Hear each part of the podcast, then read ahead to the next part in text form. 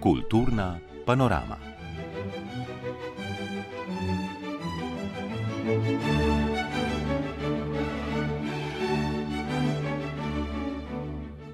Lepo pozdravljeni, spoštovani poslušalke in poslušalci. Panorama, eksterijer, muzej, nagrade, grafično oblikovanje, abstrakcija, izsek.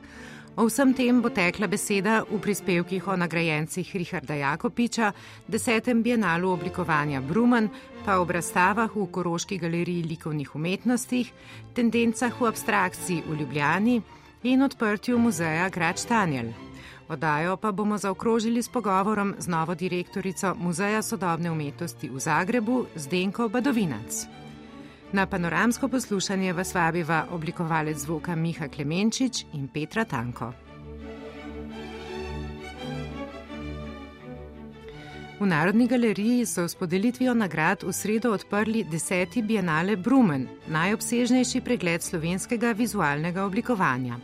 Razstavljenih je 134 del, mednarodna žirija je izbrala dobitnike Brumnove nagrade, letos pa so prvič podelili tudi nagrado za življensko delo. Prejel jo je profesor Peter Skalar.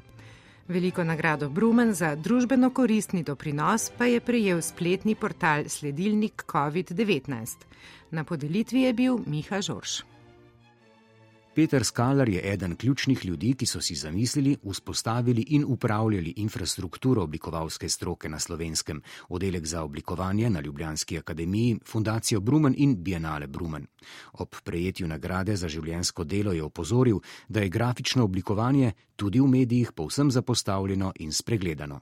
Če me razmišljanje prideš do tega, ne, no reč, oblikovanje na koncu koncev, kot sem rekel, je dejansko to, kar prvenst dostakrat To je treba nekako zavesti prav, da je to družbena dobrina, da je to kvaliteta življenja. Dejansko je treba začeti razmišljati o tem, o čem je pomen tega oblikovanja. Ne? Končno se ga srečamo tako rekoč čist na vsakem koraku. Ne? Veliko nagrado Bruman je prejel spletni portal Sledilnik COVID-19. Žirija je izpostavila, da projekt združuje ogromne količine podatkov, veliko mero tehničnih spretnosti in dober oblikovalski pristop. Oblikovalec Jure Sobočan.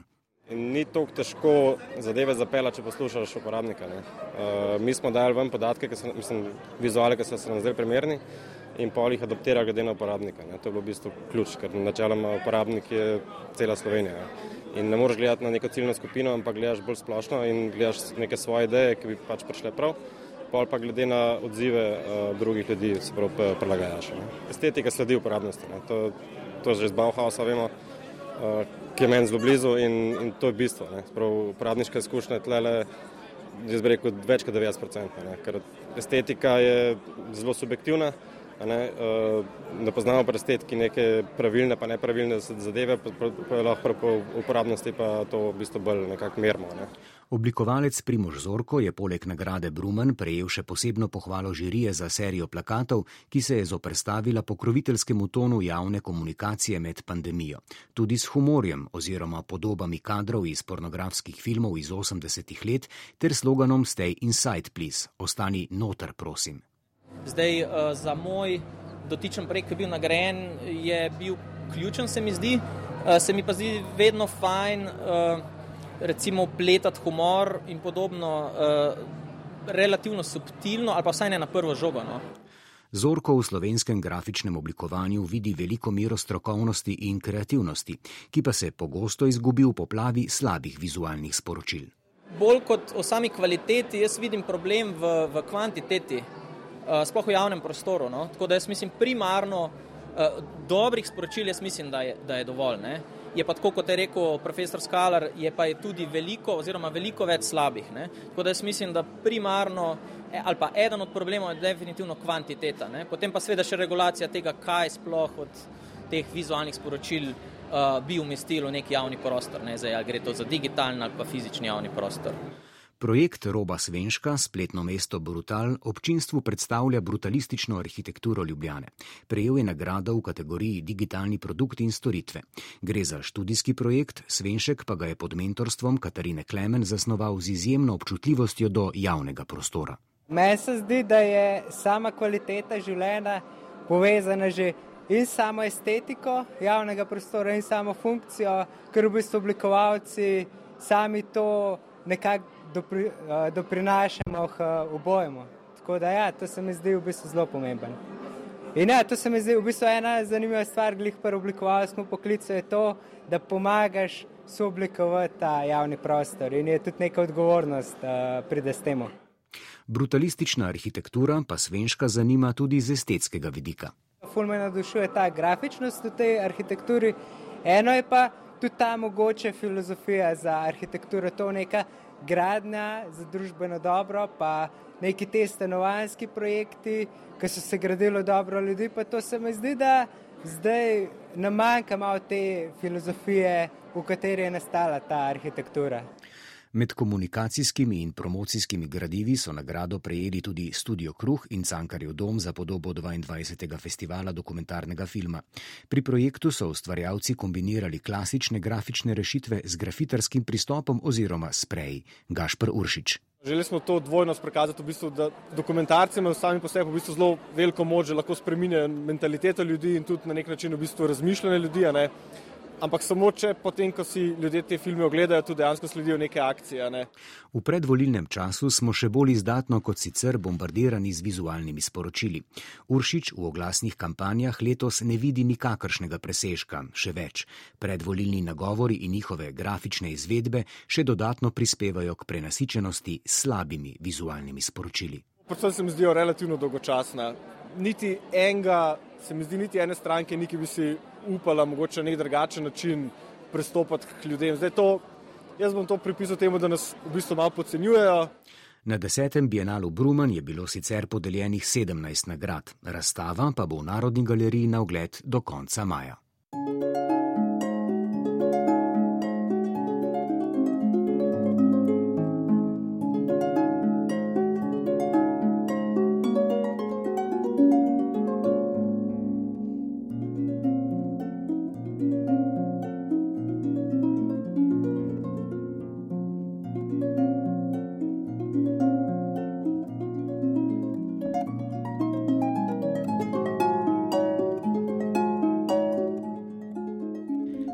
Četrtek so bile v Moderni galeriji v Ljubljani podeljene osrednje nagrade za likovno in vizualno umetnost, nagrade Richarda Jakopiča. Za življensko delo jo je prejela akademska kiparka Tuba Sambolec, mednarodno priznana umetnica in profesorica, ki je vrsto let delovala in poučevala na norveškem, za svoje delo pa je bila tudi večkrat nagrajena. Nagrada Richarda Jakopiča za opus preteklih petih let je šla v roke akademskemu kiparju in videastu Tobijasu Putrihu. Priznanje Richarda Jakopiča za mlado avtorico pa je prijela akademska slikarka Neja Zorzut. Več pa Matic Ferlan.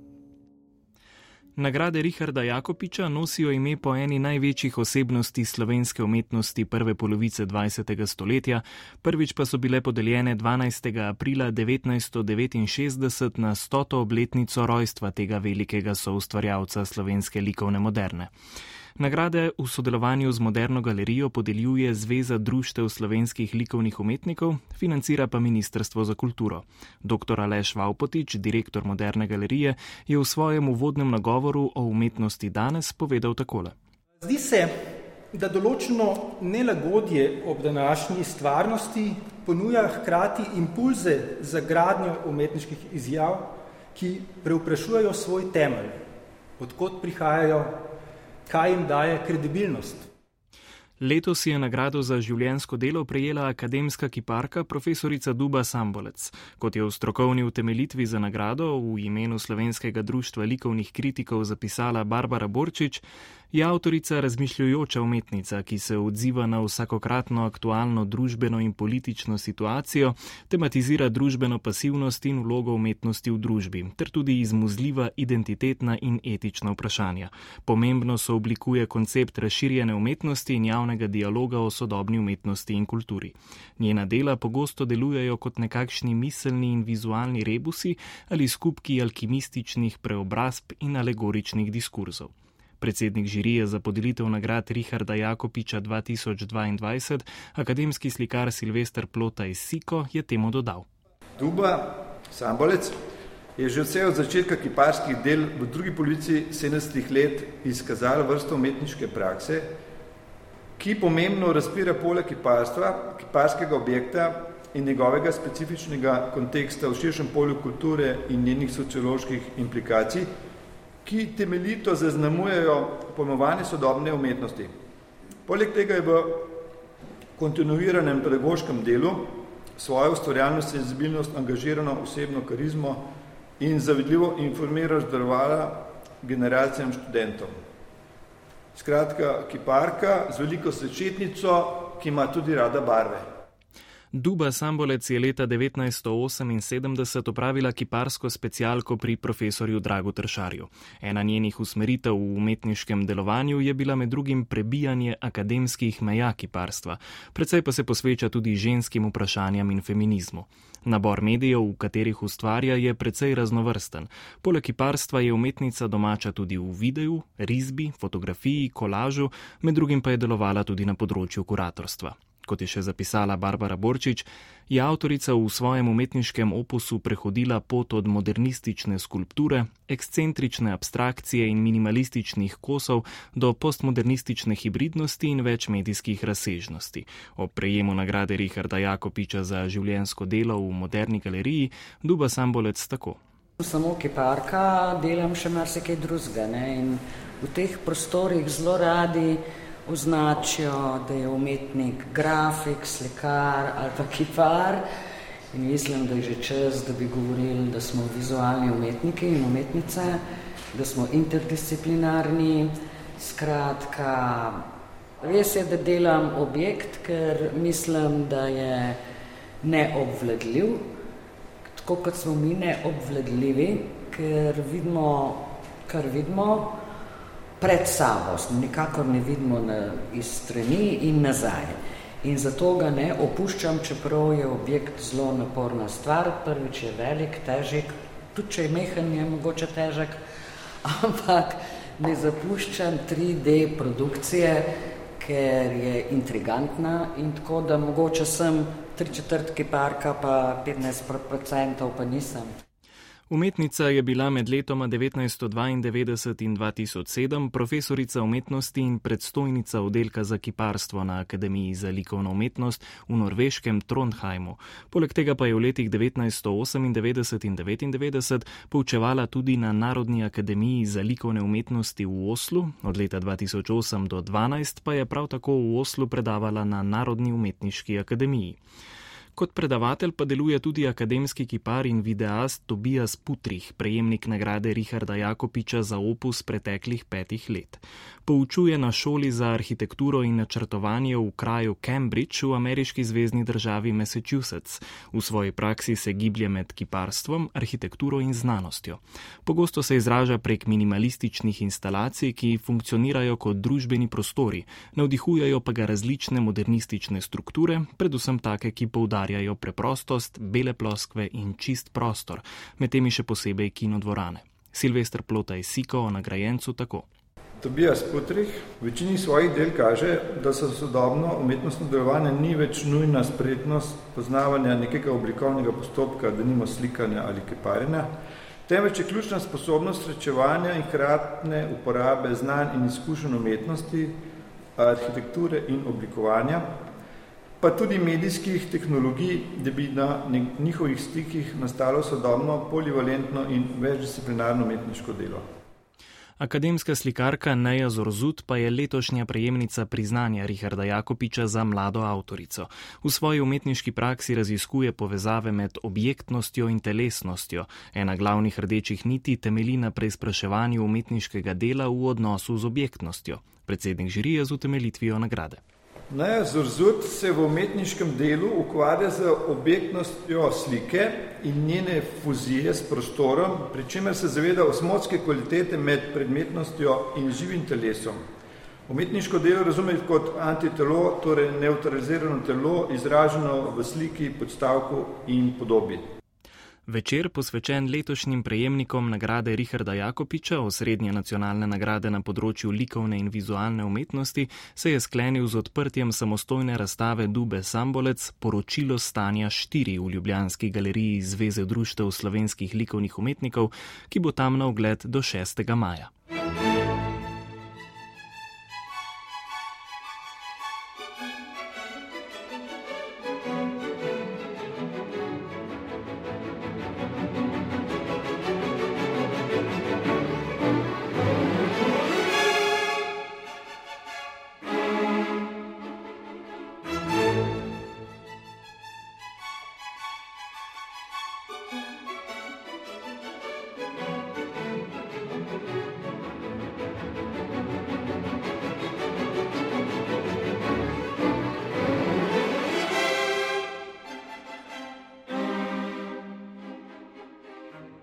Prostor v galeriji S na Ljubljanskem gradu s svojo upetostjo med na eni strani skalo kot simbolom organskih oblik narave in na drugi strani betonskega zidu kot simbolom človekove geometrije vzbuja številne asociacije, prav tako s podolgovato obliko, ki bi lahko aludirala na časovno premico. Razstava Društva likovnih umetnikov Ljubljana, ki so jo tam pripravili ob 40-letnici delovanja, pa se v zgodovino obrača bolj s temeljnimi premisleki o razumevanju abstraktne umetnosti danes, kot pa s pregledom delovanja društva v preteklosti. Naslovili so jo tendence v abstrakciji, sistemi, tehnoorganizmi, informacije. V tem intimno osvetljenem razstavišču najdemo dela Mojce Zlokarnik, Romana Makšeta, Duše Jesih, Boštjana Drinovca, Suzane Brborovič, Uršule Berlot Pompe in Tobijasa Putriha. Žiga Bratoš pa se je pogovarjal s kustosinjo dr. Nadjo Gnamuš. Doktorica Nadja Gnamuš, razstavo Tendence v abstrakciji ste pripravili ob 40-letnici Društva likovnih umetnikov Ljubljane, vendar glede na to, da gre le za sedem slikark in slikarjev, ki nekateri tudi živijo in ustvarjajo v tujini, in da je tudi tema precej specifična, torej to ni pregledna razstava ob obletnici. Ne, A, ne nikakor tudi ni bilo mogoče pričakovati, glede na prostorske možnosti same galerije. Po drugi strani pa treba upoštevati, da gre za razstavo članov društva in da je to tudi že nek vnaprejšen okvir, iz katerega odbiramo lahko umetnike. Ne? Tako da zagotovo tema je meni osebno zelo zanimiva in sem prepričana, da bi jo bilo smiselno izpeljati na veliko širšem obsegu. Jaz sem se usredotočila na en vidik znotraj sodobnih pristopov k obravnavi abstraktne umetnosti, ki se mi zdi, da je v zadnjem vsaj desetletju zopet pridobila na neki aktualnosti in, in odpira, po mojem, izjemno široko območje možnosti za umetniška raziskovanja. Tukaj pa tudi ne gre, no, kot ste prej omenili, zgolj za slikarje, slikarke, po mojem, gre za širši koncept vizualne umetnosti, ker so predstavljeni različni, ne samo ustvarjalci, ampak tudi mediji, recimo Uršula Berloce, da nimo predstavlja za video instalacijo, pa tudi uh, Tobijasa Putriha, ki smo ga običajno vajeni v nekih konstrukcijah, ima tokrat risbe. No, se ta razstava tudi ruši te predstave, ali je sploh še slikarstvo, zgolj slikarstvo in tako dalje. Ne? In tukaj se lahko dotakneva te razlike med abstrakcijo v povojnem modernizmu in abstrakcijo danes. Pa vas bom vprašal, je danes drugačna zato, ker smo jo likovno formalno že opredelili takrat, ko se je res veliko ukvarjala s samo likovnostjo, tudi likovna teorija se je na novo pravzaprav skozi njo mhm. vzpostavljala. Ali je pač pomemben današnji čas, ki je precej povezan z abstraktnim razmišljanjem, ne? kibernetskim okoljem, v katerem živimo, znanostjo, ki posega v polja nepredstavljivega, abstraktnega in tako dalje. Se že takrat je, ampak danes se mi zdi, tudi odnosi so res vse bolj abstraktni in vse bolj abstraktno moramo razmišljati. Dejstvo je, da se je naše pojmovanje tega, kaj je abstrakcija, bistveno spremenilo. Zdaj, težko je skrčiti koncepte abstraktne umetnosti, segajo od neke, ne vem, tako rekoč kontemplativne forme, od tisa ekspresije telesa do nekih simbolnih form, pa potem do tega, kar tudi omenjate, do skrajnega izraza avtonomije forme in vsebine. Danes se zgodi ta bistven premik, namreč tudi avtori, ki eh, se predstavljajo, nimajo v prvem planu tematizirati abstrakcije kot take. Ne gre za, da je abstrakcija njihov primarni cilj ali pa fokus, ampak je bolj neka logična. Posledica samega načina mišljenja, samih procesov, ki jih uporabljajo, in uh, vsebin, s katerimi se ukvarjajo. Bom rekla, abstraktna estetika, ki se izoblikuje v modernizmu, je danes pravzaprav vključena v vsakdanje življenje prek mode, prek dizajna, prek vem, organizacij ali pa teh sodobnih urbanih podob, ki nas spremljajo. Ne? Tako da dejansko ne predstavlja več neke radikalne alternative. Celo po drugi točki se mi zdi, da v nekem tem skrajnem pogledu jo lahko imamo v določenih pojavnih oblikah celo kot neko novo obliko realizma, ki ga navezujem na to, kar ste vi že prej omenjali, na, na sam princip mišljenja, na tehnološke sisteme, ki so v ozadju aparaturi in strojev, s katerimi vsak dan rokujemo in ki so seveda za uporabnika abstrahirane in poenostavljene, že če razmišljamo vem, o bankomatih ali pa o kavomatih, da ne gremo na bolj kompleksne algoritme in računalniške sisteme. To je absolutna abstrakcija. In ja, in če je bilo to redukcijo potrebno včasih opraviti zavestno, sistematično, iz realizma postopoma v abstrakcijo, je danes abstrakcija že tukaj. Ne? Točno tako. Danes ja. je veliko krat. Lahko tako rečem, no, zelo pogojno, ready-made. Danes v bistvu abstrakcija vedno nekako se nanaša, mogoče tudi na neko zunanjo referenco. Ne? Mislim, da gre za spreminjanje predvsem teh vsebinskih horizontov, ne pa za iskanje nekih formalnih inovacij. Čeprav seveda tehnologije, nove tehnologije, ki jih umetniki recimo uporabljajo, spostavljajo tudi neke nove možnosti, neko novo estetiko. Koliko na likovno produkcijo recimo vpliva digitalnost, ne le kot tema, ampak tudi kot način slikanja, se tega sva se posredno že dotaknila, slojenja, kolažiranja, se v sliki oponaša digitalno oblikovanje, tudi recimo pri Suzani Brborovič lahko opazimo neke sisteme zlaganja, ki bi lahko spomnili na recimo neko digitalno oblikovanje. Ne? Absolutno. Jaz mislim, da je to zelo navzoče, ne samo na Suzani Barborovič, ampak tudi pri mnogih drugih avtorjev, niti ne na razstavi, niti ne samo pod konceptom abstraktne umetnosti, ampak gre za sistem načina sestavljanja, plastenja podob, tako kot smo jih vajeni danes, ko samo, ne vem, krmarmo po spletu, obračamo strani, jih so postavljamo, imamo na voljo čist neko drugo organizacijo. Danes so umetniki skicirajo z grafičnimi tablicami. Recimo pri Tobijasu Putrihu, pri seriji njegovih risb je to zelo um, razvidno. Namreč ta serija je nastala čisto iz sodelovanja med umetnikom in strojem oziroma računalnikom. Avtor uporabi izhodiščno ročno risbo, ki jo mi dejansko ne vidimo, jo da v program uh, računalniški, ki jo predela skozi različne faze učenja, skozi se pravi učenje umetne inteligence, ki razgradi ta neposredni kod, potem Tobias vstopi z ročnimi intervencijami, da spet v računalniški program. Skratka, to je lahko serija, ki se nadaljuje. Ne? In kot gledalci ne bomo opazili razlike med ročno intervencijo in računalniško generirano podobo. No, morda, če smo zelo natančni, pa če nas avtor usmeri, ampak načeloma um, gre tudi za nove načine, ki jih raziskujejo sam produciranja podob. Za konec izpostaviva še en primer, da pokaževa na raznolikost na razstavi.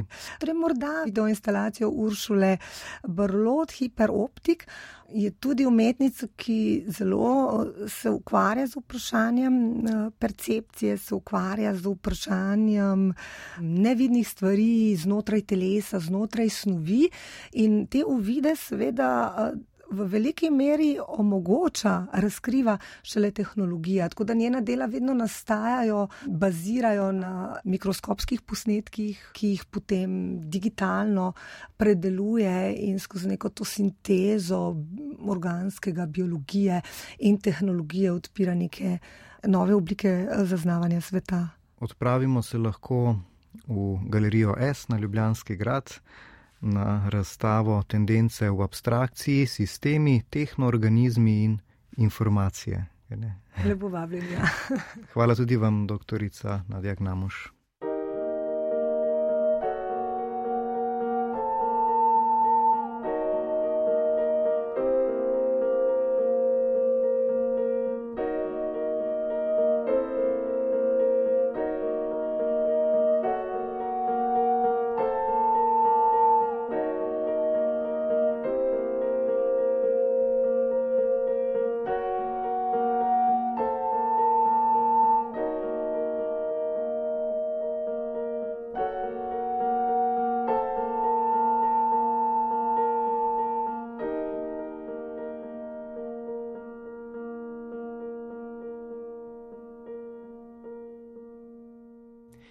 Angažirane družbene teme so v spredju nove razstave v Koroški galeriji likovnih umetnosti. V Slovenkratu so v zadnjih 12 letih pridobili skoraj 900 novih del in ta so združili na razstavi Nove pridobitve 2010 do 2022, ki jo dopolnjujejo znamenitim sklopom Omaž Tisnikarju. Poslušajmo prispevek Metke Pirc. Da ne bi bilo nikoli več vojne, je pozdrav, s katerim nas kustosi soočajo v prvi manjši sobi v vstopu v Koroško galerijo likovnih umetnosti, kustosinja Katarina Hergold-Germ. Tokrat smo postavili izbor del iz stalne zbirke z naslovom Da ne bi bilo nikoli vojne. Po tisnikarjevi sliki iz leta 1966 in prav okoli te slike smo razstavili tudi ostala dela, ki vsaka na svoj presunljiv način eh, nekako kličejo k temu, da vojne ne bi bilo. To je tudi nekako naš komentar aktualne družbene situacije. Koroška galerija likovnih umetnosti slovi po družbeno angažiranih tematikah povezanih tudi z vojno mirom. Ta usmeritev se je oblikovala že z mednarodnimi razstavami v preteklem stoletju. Tudi del nove razstave o novih pridobitvah zadnjih 12 let je zato zaznamovanih ravno s takšnimi umetniškimi deli. Razstava Nove pridobitve predstavlja izbor del 67 umetnic in umetnikov, katerih dela smo od leta 2010 pa do leta 2022 pridobili v našo stalno galerijsko zbirko.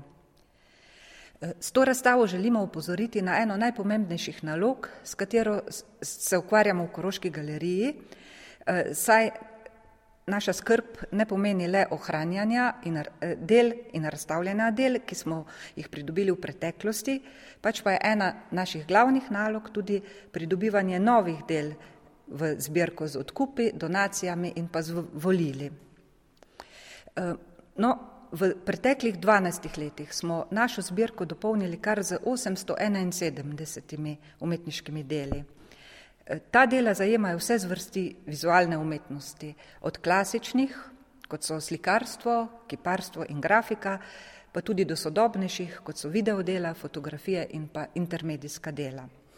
V Koroški galeriji sledimo posebni zbiralni strategiji, ki je povezana tudi z zgodovino naše galerije, zato je ta razstava sestavljena tudi iz več vsebinskih sklopov. Prvi sklop predstavlja dela, ki se ukvarjajo z angažirano družbeno tematiko, drugi sklop pa predstavljajo dela koroških avtorjev. Če se ozreva tule po galeriji, v bistvu takoj, ko vstopimo v ta novejši del, ki je že tudi 60 let star, ampak še vedno strop je izjemen svetloba v galeriji, res izjemna. Najprej naletimo na sliko velenskega avtorja, trgovina z obešalniki. Delo Uroša Potočnika eh, sodi v, med tista dela, ki smo jih sprejeli v zbirko zaradi njegove družbeno angažirane tematike. Eh, delo prikazuje fenomen potrošniške družbe in kot tako opozarja na probleme današnjega časa. Predvsem je treba biti pozoren na same obešalnike, ampak to bova prepustili poslušalcem, da si ogledajo, kaj ti sporočajo. Eh, potem pa povejte še v bistvu na strani pa zelo, zelo raznolike slike oziroma dela. Res je, razstava odraža raznolikost zbirke Koroške galerije. Eh, kot sem dejala, eh, na eni strani imamo dela družbeno, eh, z družbeno angažirano tematiko, avtorjev tako slovenskih kot tudi tujih, na drugi strani pa razstavljamo dela koroških avtorjev, ki pa se ukvarjajo z zelo različnimi tematikami. Tako imamo od avtorjev, ki se ukvarjajo z fenomenom narave, do tistih, ki se ukvarjajo z družbenimi fenomeni, pa seveda do tistih, ki raziskujejo neke temeljne zakonitosti likovnega jezika in razstava tudi vso to njihovo raznolikost odraža. Večino novih del so pridobili z donacijami umetnikov ali njihovih dedičev, nekaj z odkupi. Postavitev v starem delu galerije bo zdaj stalna. Izbrana dela iz stalne zbirke Bogdana Borčiča bodo na ogled v starem delu galerije. Prav tako bo tam razstavljen omaž tisnikarju z deli, ki so bila na novo pridobljena v zbirko. Poleg tega pa bomo tam razstavili tudi izbrana dela iz zbirke Štefana Planinca, ki pa so bila v zbirko pridobljena že pred letom 2010. Eh, no, veliko pozornosti namenjamo tudi bogatitvi zbirke Omaš tisnikarjev. Eh, v to zbirko poleg pridobivanja novih tisnikarjevih del vključujemo tudi dela avtorjev, eh, ki so svojo vizualno poetiko prav tako zazrti v temeljna vprašanja človekove eksistence in ta dela so tudi razstavljena v starem delu galerije. Kot poudarjajo v Koroški galeriji, njihova skrb ni usmerjena le v ohranjanje in razstavljanje del iz preteklosti, ampak tudi v pridobivanje novih del in temu bodo sledili tudi v prihodnje.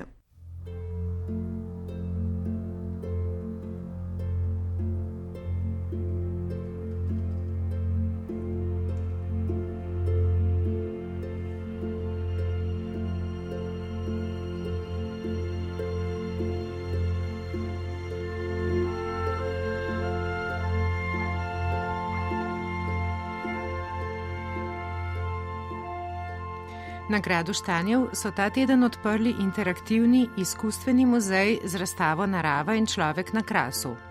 Na skoraj 400 kvadratnih metrih bo obiskovalcem nudil kompleksno izkušnjo doživetja krasa. Gre za drugo fazo obnove spodnjega palacija gradu. V prvi so že uredili viteško dvorano in enoteko. Več pa v prispevku Sabrine Mulec.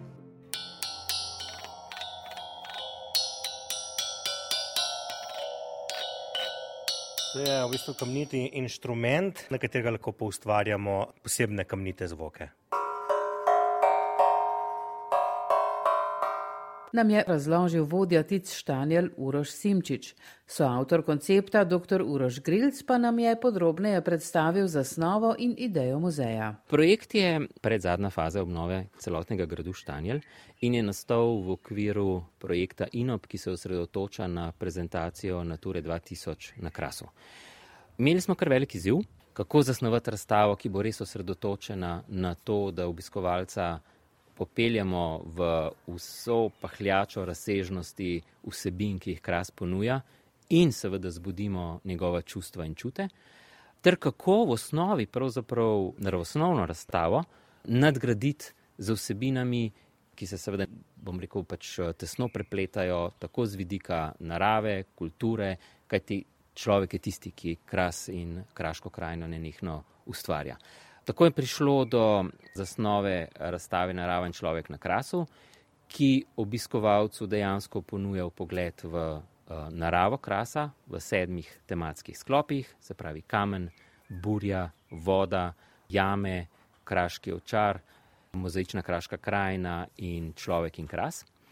Hkrati pa je zelo pomembna prvina te razstave, po čemer je res posebna to, da smo k njenemu snovanju povabili vse ključne inštitucije, ki kakorkoli delujejo na področju naravne in kulturne dediščine krasa, od najprej Goriškega muzeja, ki je prispeval pomembne najdbe z obdobja gradišč, kaštelirjev in potem seveda tudi iz obdobja Koblencev, ki so tukaj ta kraj so ustvarili.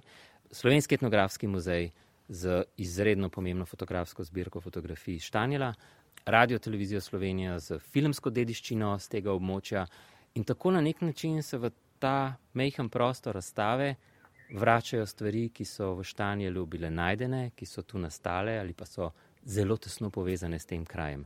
Zato smo seveda veseli, da je razstava na koncu nastala tako, da bo obiskovalca popeljala res skozi široko paleto vsebin, zbudila željo po raziskovanju krasa in na nek način obiskovalcu poskušala pričarati duh krasa kot takega.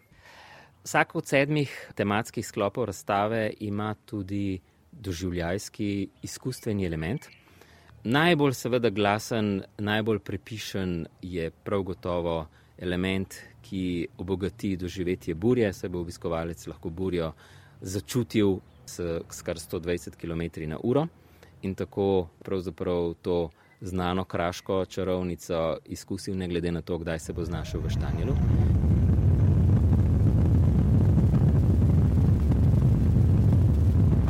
Lahko bo preizkusil težo kamna, povezano z gradnjo suhega zidu in seveda z elementom, ki ga je na krasu res v izobilju.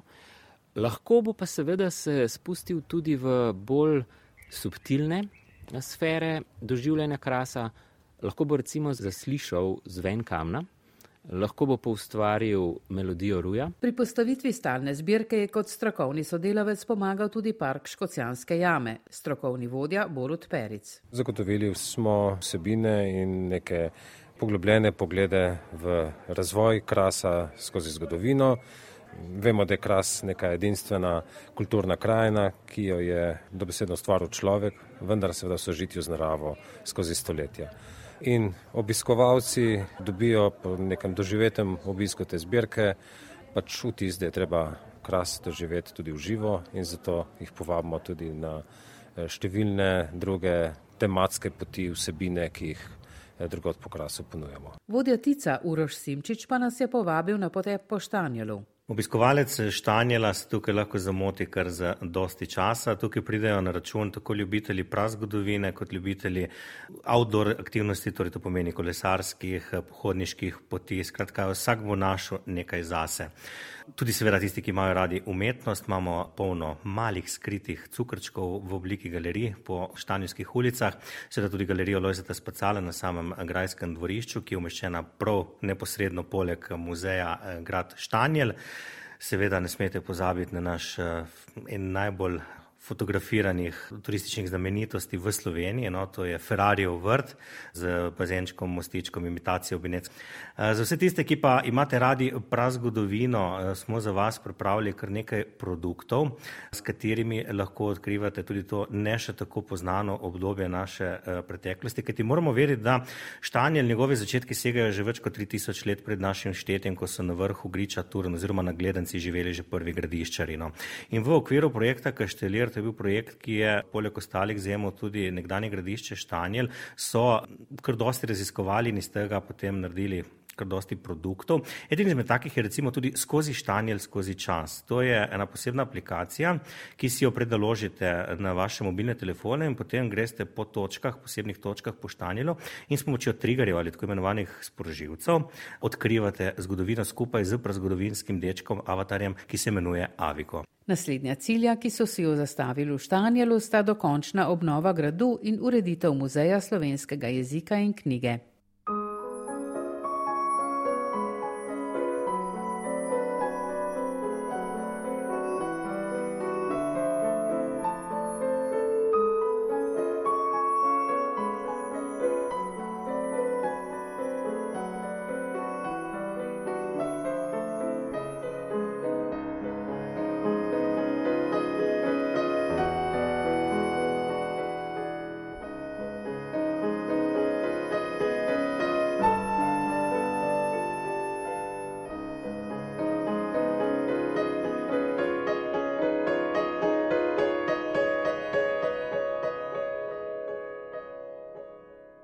Dolgoletna direktorica Ljubljanske moderne galerije Zdenka Badovinac je bila v začetku letošnjega leta izbrana za novo ravnateljico Zagrebskega muzeja sodobne umetnosti. Kot so zapisali v upravnem svetu muzeja, ki je med vsemi kandidati predlagal prav njo, je Badovinčeva predlagala visoko strokoven, ambiciozen in hkrati realističen program delovanja muzeja v prihodnem štiriletnem obdobju. V svoji viziji razvoja muzeja sodobne umetnosti, njegovi zbirki, sodelovanju z domačimi umetniki, mednarodnimi pa tudi z lokalno skupnostjo, je spregovorila v pogovoru z našo zagrebško dopisnico Tanjo Borčič Bernard. Mesto ravnateljice Muzeja sodobne umetnosti v Zagrebu ste prevzeli kdaj pred mesecem dni? Ja, 1. marca.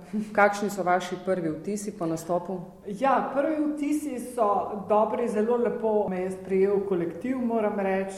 Kustosi so nekako mi sami rekli, tudi, da, da so že inspirirani, tudi smo naredili neko razstavo skupaj, ki sploh ni bila načrtovana. Tako da začetek moram reči, da je dober, je pa tudi res, da je to ena ogromna inštitucija, večja kot moderna galerija, ki sem jo vodila tako dolgo. Zaposlenih je enkrat več v moderni, tako da nisem niti vseh še uspela spoznati, pa si želim eh, vsakemu zaposlenemu posvetiti nek krajši sestanek, ampak nikakor ne pride do tega, plus da je ta muzej tudi površinsko ogromen, mislim, da ima enih 15 tisoč kvadratnih metrov in je za pogoje dela na Hrvaškem to precejšnji zalogaj, že kar se tiče eh, samega plačevanja elektrike, vode. Skratka, s temi stvarmi se seznanjam še vedno, težavami eh, z zbirko, z ljudmi, ampak mislim, da je ta muzej eh, res velik, velik eh, potencial. MSU verjetno spremljate že leta. Kako je muzej vsebinsko deloval do sedaj in kakšno je bilo njegovo mednarodno povezovanje? Kako bi to ocenili? Zbirka tega muzeja je po mojem mnenju najpomembnejša stvar. Res to je ena najpomembnejših zbirk v regiji, ima mednarodno prepoznavnost. V tej zbirki so vsi pomembni umetniki in kolektivi, iz teh eh, recimo povojnih avangardnih tendenc iz cele Jugoslavije. No, ta zbirka je bila, nažalost je bila podrta dve leti in to se mi zdi, da je mogoče nekaj, kar uh, sem morala takoj sanirati. Na to sem takoj reagirala in sem si tudi izmislila skupaj s kustosi tukaj uh, neko serijo razstav, prvo smo celo že postavili. Sama razstavna politika pa mislim, da je bila mogoče malo premalo definirana. Ne? Se pravi, da je odražala vse težave, s katerimi se muzej sooča, se pravi, premajhno financirane, zato so eh, razstave bile doskrat povezane pač z možnostjo financiranja. Moja želja je, da bi se ta program malo bolj definiral, da bi bila tukaj neka razstavna politika, zadje, ki bi se povezovala z zgodovino muzeja, ki bi se povezovala z zbirko in z regijo. Hkrati pa tudi seveda bi rada, da se tukaj predstavljajo zanimivi umetniki iz širšega mednarodnega konteksta. No, vaš izbor za novo ravnateljico MSU-ja so na Hrvaškem sprejeli vsi z navdušenjem, pričakovanja so očitno velika. Eh, kakšni so vaši načrti? Lahko pričakujemo zelo korenite spremembe v delovanju muzeja? Ja, ta pričakovanja so res ogromna. Men, jaz sem bila sama presenečena, kako so dobro reagirali ljudje iz uh, umetniških krogov. Tako da eh, zelo težko bom seveda izpolnila vsa ta pričakovanja, ravno zato, ker pač pogoji se z, ma, z mojim prihodom ne spreminjajo. Moja vizija je povezana eh, samo novo postavitvijo zbirke z nekimi razstavnimi projekti, ki si jih tudi poskušam že zamišljati. Na Hrvaškem živijo in delujejo mednarodno znani, uspešni umetniki, ki niso nikoli imeli tukaj že razstav iz različnih razlogov, kot je recimo Sanja Ivekovič, ki je umetnica, ki ima dela po vseh um, najpomembnejših inštitucijah, muzejih svetu, kot je MoMA, kot je Reina Sofija, kot je Tate Gallery. Jaz sama kuriram retrospektivo Sanje Vekovič za Kunshale na Dunaju letos in sem se zdaj dogovorila, da se drugo leto ta razstava prenese tudi v MSU. Jaz bi želela tudi veliko sodelovanja z Ljubljano, s slovenskimi umetniki, tako individualno, kot tudi v okviru nekih širših tematskih, problemskih razstav iz regije in sicer. Zelo fajn bi bilo, če bi se vzpostavilo tudi neko medinstitucionalno sodelovanje, neke koprodukcije s slovenskimi inštitucijami. Skratka, jaz se počutim tukaj kot vez med Slovenijo in Hrvaško, pa ne samo Slovenijo, tudi z ostalimi kulturnimi prostori iz nekdanje Jugoslavije. In eh, mislim, da bi bila naloga muzeja, da to zgodovinsko dediščino osvešča, problematizira, postavlja v različne dialoge. Kaj lahko kot direktor ponudi nekdo, ki prihaja iz druge države? Zanimivo je, da eh, v Sloveniji naprimer, tega ne vidimo pogosto na področju vizualne umetnosti, v Sloveniji pač vidnejše ustanovi vodijo slovenci oziroma slovenke. Ja, jaz mislim, da je to velika škoda. Mislim, da bi se slovenske inštitucije morale odpreti uh, mednarodnim razpisom. Moram reči, da tukaj ni bil eksplicitno mednarodni razpis, ampak je bil razpis, ki ni preprečeval, da bi se tujci prijavljali. Moram reči, da se mi zdi za te naše prostore zelo pomembno, da sami gremo v drugi prostor in da tudi sprejemamo tujce v svoje kulturne prostore. Hvala za pogovor in želim vam veliko sreče pri vodenju MSU. Hvala vam.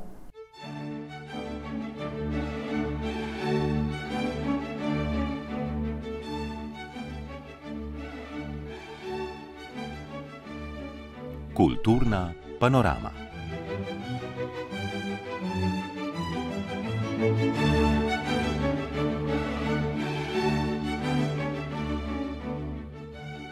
Spoštovani poslušalke in poslušalci, oddaja se bliža koncu. Prispevke so pripravili Miha Žorž, Matic Ferlan, Žiga Bratoš, Metka Pirc, Sabrina Mulec in Tanja Borčič Bernard. Glasbeno opremo je pripravila Tina Ogrin, oddajo je zvočno oblikoval Miha Klemenčič, uredila in vodila pa sem jo Petra Tanko. Zahvaljujemo se vam za pozornost in vas lepo pozdravljamo.